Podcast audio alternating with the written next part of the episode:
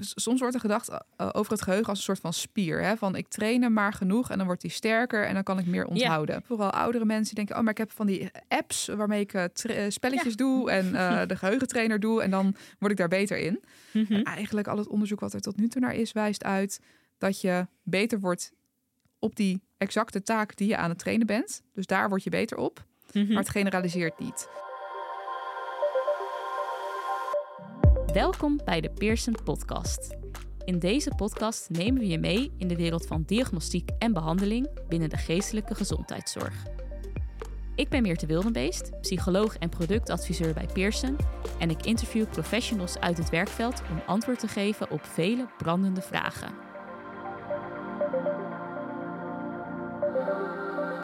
Voordat we verder gaan, nog even dit. Problemen met het geheugen kun je op verschillende manieren constateren. Heel belangrijk hierbij is om te kijken naar de geheugenfunctie bij de uitvoering van alledaagse taken. Met de nieuwe RBMT3 meet je bij cliënten met cognitieve problemen, vanaf 16 jaar, hoeveel moeite zij hebben met alledaagse geheugentaken en kun je een goede inschatting maken van het zelfstandig functioneren. Kijk voor meer informatie op www.pearsonclinical.nl/podcast.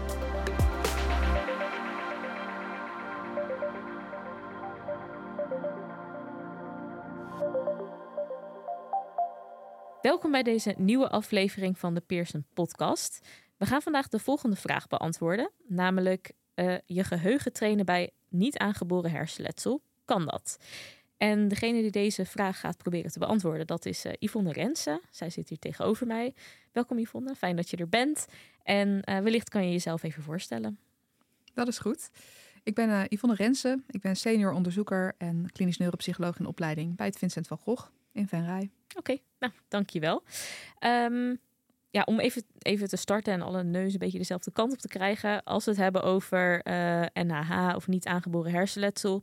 Misschien kan je kort omschrijven waar, waar hebben we het dan precies over? Mm ja, niet aangeboren hersenletsel is eigenlijk een soort van uh, vergaarbakterm, paraplubegrip voor um, uh, hersenletsel waarmee je niet geboren bent, om maar even zo te zeggen. Mhm. Ehm, dus um, uh, denk aan, uh, je bent uh, van een paard gevallen, op je hoofd gevallen en hebt daardoor hersenschade. je hebt een CVA gehad en hebt daardoor schade. Je hebt een dementieel beeld. Um, je hebt middelen gebruikt waardoor je hersenen aangetast zijn. Dat mhm. kan je er allemaal onder scharen. Ja, dus ja. Al, al, het hersenletsel wat nou ja, niet aangeboren is. Ja, Het zit eigenlijk al een beetje in de naam niet aangeboren hersenletsel. Oké, hey, en wij gaan het dan vandaag specifiek hebben over dat geheugen trainen bij niet aangeboren hersenletsel. En ik vroeg mij ook af van ja, kan, kan je nou, het is toch niet zo dat bij elk niet aangeboren hersenletsel dat daar het geheugen bij is aangetast? Uh, nee, klopt. Klopt. Uh, dat, dat, hoeft zeker niet. Uh, bij niet aangeboren hersenletsel maakt ook heel erg uit waar je, um, waar je letsel zit. Zeg maar. Als je op de uh, op je eh, voorkant bent gevallen, op het prefrontaalkwap bijvoorbeeld. Dat is mhm. niet per se het meest belangrijke stukje voor het geheugen, wat meer bij de hippocampus zit. Um, dus het maakt heel erg uit waar je, waar je schade zit. Ik denk dat het in deze aflevering vooral belangrijk is om te kijken naar de mensen die wel last hebben van het geheugen. Dus bij mensen waarbij het geheugen echt is aangedaan. Ja. ja. En je noemde net al een hersenstructuur, de hippocampus. Um, zijn er nog andere hersenstructuren die betrokken zijn bij het geheugen, als, als daar inderdaad schade aan is, aan die specifieke hersenstructuur? Mm ja, de hippocampus wordt altijd wel gezien als de meest belangrijke hersenstructuur voor je geheugen. Dat is mhm. een beetje, um, in de vorige aflevering hebben we het gehad over dat episodische geheugen. Hè? Daar mhm. wordt de hippocampus sterk aan gelinkt. Um, eigenlijk het hele mediaal-temporaal kwap, het gedeelte um, ja, mediaal-temporaal in je brein. uh, maar het zijn ook um, het is een, een, wat complexer verhaal dan dat ik het nu vertel hoor. Maar het zijn ook eigenlijk circuits. Dus het is niet zo dat je de hippocampus hebt, daar zit het geheugen opgeslagen ja, en alleen daar. In die kronkel precies, of zo. Hè? Ja, uh, precies. Van hier heb je de mhm. arm en daar zit je arm. ja, zo, zo. Was het maar zo. Ja. Zeker. Mm uh, er wordt ook gedacht dat het, uh, dat het loops zijn in je brein en circuits. Dus er, er, loopt ook een loop van je hippocampus naar je frontaalkwap en naar je cortex bedoel ik. Um, en er wordt gedacht dat meer voor het episodische geheugen, dat daar je hippocampus belangrijk voor is en het lage, uh, ja, laaggelegen structuur. Terwijl uh, als je herinneringen consolideren, dus um, um, goed opgeslagen zitten, dat het dan steeds meer naar de cortex ook gaat en dat daar de loop zit. Ja, En, en hoe zijn ze daarachter gekomen dat dat zo werkt? Is dat met MRI-onderzoek of ja, weet je? Ehm, ja, met MRI-onderzoek kan je dat ook niet zo heel goed. Ja, met MRI-onderzoek kan je goed structuren blootleggen, hè, maar die circuits niet zo, uh, niet zo goed. Nee. Ehm, ja, ik ben zelf uh, meer ehm, van de cognitieve kant, zeg maar, van de modellen en niet zozeer van het fundamentele hersenonderzoek. Yeah. Dus hoe je dat precies in kaart kan brengen of kan onderzoeken, dat weet ik niet precies. Nee. ja. Nee, maar dat is, dat is ik het ook niet erg hoor, want ik vroeg het me gewoon af. Ik snap helemaal, ik weet toch helemaal niks over. dus ik snap helemaal dat je dat misschien niet goed, goed, goed daarin zit. Um, ja, en wat jij ook noemde, hè, van, we hebben het al eerder gehad over die verschillende soorten geheugen. Um, maar voor de mensen die, die die aflevering misschien niet hebben gehoord, misschien zou je nog heel kort kunnen toelichten van welke verschillende soorten geheugen zijn er en welke zijn bijvoorbeeld dan ook aangedaan bij niet aangeboren hersenletsel. Misschien Mhm. ligt dat ook alweer aan het type niet aangeboren hersenletsel, Precies, maar ja. ja. Uh, nou, welke soorten geheugen heb je in een, in een vogelvlucht? Je hebt het korte termijn geheugen of werkgeheugen. Dat, dat zien we vaak als, een, als, als één stukje. Uh, en je hebt het lange termijn geheugen. Dus korte termijn geheugen, werkgeheugen moet je denken aan een geheugen van 30 seconden tot een minuut. Echt heel kort. En eigenlijk Mhm. alles wat langer is, dus wat je 10 minuten geleden probeert uh, terug te halen, is al lange termijn geheugen. En in dat lange termijn geheugen wordt vaak een onderscheid gemaakt tussen je meer uh, de declaratieve geheugen, waaronder het episodisch en semantisch geheugen bestaat. Mhm. Dus feitenkennis en kennis over um, tijd, ruimte, uh, je eigen herinneringen. En het non-declaratieve geheugen is het onbewuste geheugen. Dus uh, voor vaardigheden, het, uh, hoe, gebruik je bestek, hoe fiets je, um, conditionering. Dat, ja. ja, en, en um, ik heb ook wel gehoord van de termen dus impliciet en expliciet geheugen. Is impliciet dan dat non-declaratieve? Uh, ja, dat, dat zou, ja, impliciet non-declaratief, expliciet ja. declaratief klopt. Okay. Uh, en het een gaat meer over het geheugen en het andere meer over de manier van leren. Ja. Uh, ja. Ja, dus inderdaad dat, dat impliciete of non-declaratieve. Een hele mond vol zeg. Ja, zeker. dat gaat dus over, uh, nou ja, wat je eerder al eens noemde, van bestek. Hoe hou je het vast, hoe gebruik je het, et cetera. Precies, ja, de vaardigheden waar we eigenlijk niet zoveel uh, taal voor hebben, waar we heel bewust mee bezig zijn. Gebeurt eigenlijk automatisch. Ja, ja, ja. En um, nou ja, als we dan, uh, dus nu hebben we een beetje uitgelicht van, oké, okay, nou welke soort geheugen zijn er? En eigenlijk zeg je ook van ja, het verschilt per type uh, letsel waar je dan natuurlijk last van hebt. Dat lijkt mij heel logisch.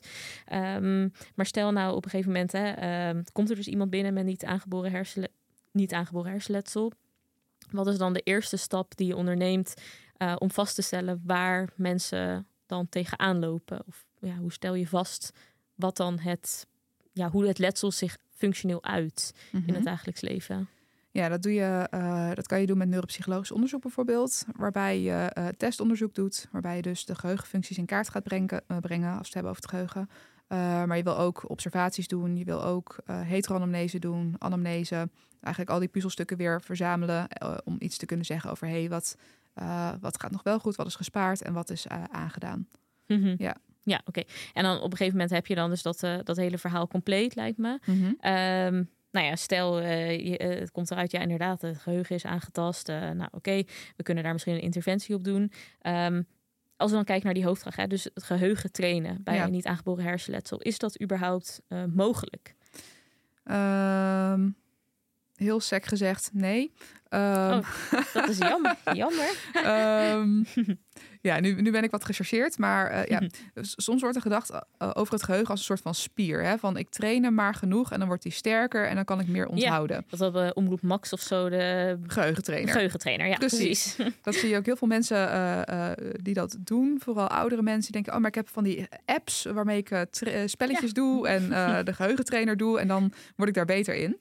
Mm -hmm. um, er zijn ook hele markten voor. Echt heel veel uh, bedrijven die daar goed geld aan verdienen om uh, uh, brain games te doen. Mhm. Mm -hmm. Eigenlijk al het onderzoek wat er tot nu toe naar is, wijst uit dat je beter wordt op die exacte taak die je aan het trainen bent. Dus daar word je beter op. Mhm. Mm -hmm. Maar het generaliseert niet.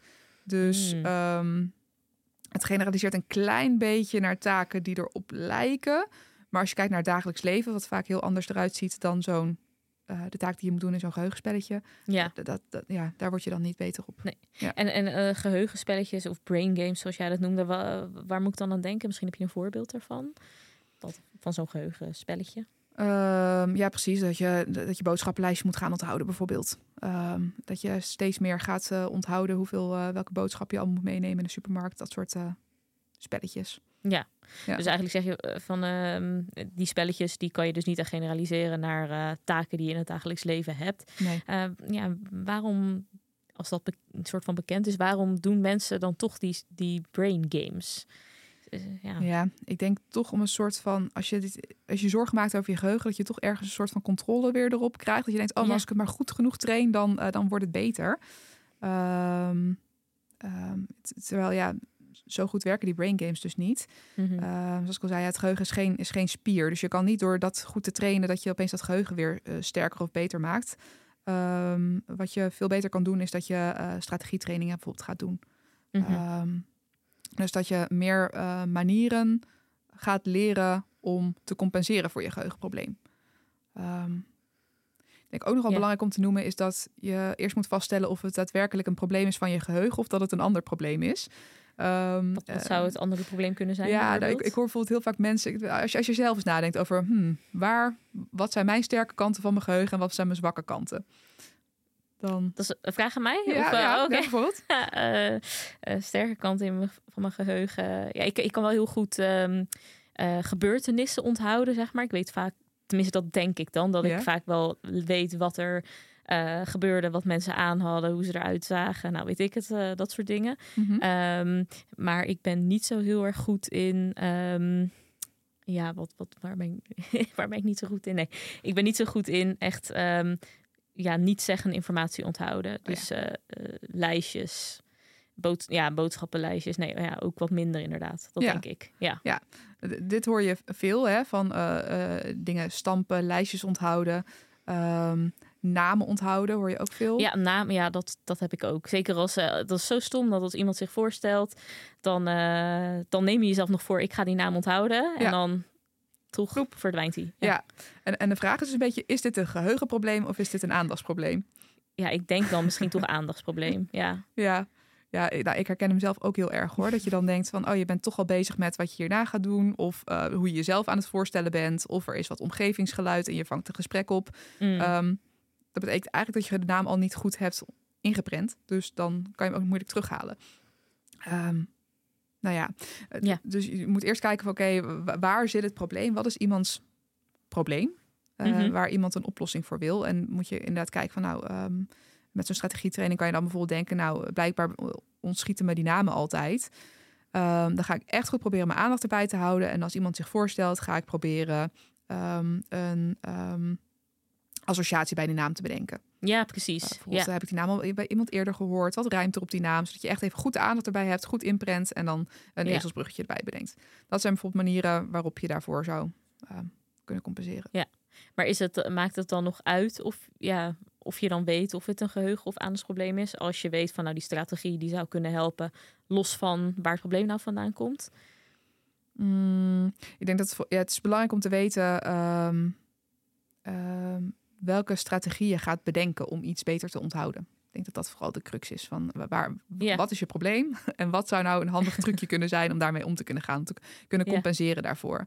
Ehm, en als je, als je echt een geheugenprobleem hebt en je hebt echt je aandacht erbij, maar je vindt het echt heel moeilijk om namen te onthouden en het lukt gewoon echt niet omdat daar een, een, een fout zit ehm, of een, een, dat er iets kapot is.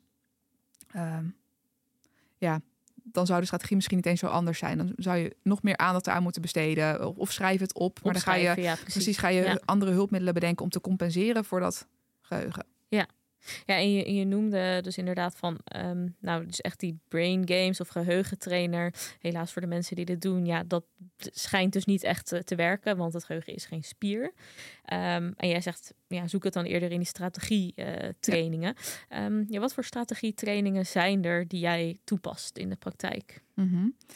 Ehm, ja. Ik, ik zat nog even te denken, want ik ging, eh, eh, hè, Ja. we gaan van een beetje eh, ge- ge- gezonde breinen naar steeds een beetje ehm, ergere geheugenproblemen, laat ik het zo ja. zeggen. En de noot die ik nog wilde toevoegen was, ehm, ehm, als, je ge- als je geheugen een klein beetje kapot is, om maar even zo te zeggen, dan Mhm. kan je nog goed strategietrainingen toepassen. Dan kan je gaan compenseren. Dan kan je inderdaad gebruik maken van planners, van agenda's, dat soort dingen. Maar hoe meer jouw geheugen aangedaan is, zeg maar, hoe erger je schade is, hoe minder je ook van die strategietrainingen gebruik kan maken. En hoe meer je uiteindelijk je omgeving ook moet gaan aanpassen eigenlijk. Dat je, als je geheugen, als je nog veel andere vaardigheden hebt die kunnen compenseren, of je geheugen niet te erg is aangedaan, kan je compenseren. Mhm. Maar als andere vaardigheden ook aangedaan zijn, of je geheugen echt heel ernstig is aangedaan, dan kan je niet zoveel meer van de persoon zelf verwachten, maar moet je de omgeving eromheen gaan eh, Ja. en steunen. Ja. Dat is nog even een kanttekening die ik erbij wilde. Ja, en als ik daar toch nog even Ja. op gaan mag inhaken hoor, want eh, die andere vraag komt eh, waarschijnlijk later nog wel weer aan bod. Ehm, je zegt dus inderdaad een beetje kapot, dan kan ik me voorstellen. Je zei, je, je hebt dan nog genoeg andere strategieën of sterke kanten die je kan inzetten. Ja. Ehm, en je zei bij, nou, als we inderdaad weer gaan naar die slechtere breinen, dan is de omgeving eigenlijk, Ja. eh, zou je moeten inschakelen. Ja. Ja, op welke manier kan de omgeving dan helpen? Misschien heb je een voorbeeld wat je zelf bent tegengekomen in de praktijk. Ja, waar wij heel veel onderzoek naar hebben gedaan is bijvoorbeeld foutloos leren. Eh, dat vind ik echt wel een hele charmante eh, methode. Mhm. Ehm, omdat je eigenlijk, het, het speelt heel mooi in op, dat op die verschillende geheugens. Dus je ziet vaak dat dat declaratieve geheugen kapot is. Maar dat die eh, non-declaratieve vaardigheden, dus dat onbewuste geheugen, dat dat vaak nog best wel werkt. Hm. Dus je wil veel meer gebruik gaan maken van wat nog wel werkt. Eh, dan dat je gaat proberen te fixen wat eh, kapot is, zeg maar. En wat misschien Ehm, ook niet meer gemaakt precies, kan worden. Ja. Precies. Mhm. Ehm, en wat foutloos leren bijvoorbeeld doet, is dat je gaat kijken van wat is een vaardigheid die iemand graag nog wil leren. Mhm. Ehm, eh, iemand wil zelf wel leren koffie zetten, maar is vergeten hoe het moet. Ehm, dan kan je die vaardigheid foutloos oefenen. Dus dan heb je eh, iemand nodig, een trainer die. eh, je maakt een stappenplannetje met de stappen die nodig zijn voor koffie zetten. En die gaat dat oefenen met de, eh, met de persoon. En dat oefen je eh, ehm, eh, een aantal keer, net zolang tot iemand het zelf kan doen. En Hmm. omdat je het steeds op dezelfde manier aanbiedt, zonder fouten te maken, eh prent je eigenlijk een soort van geheugenspoor in.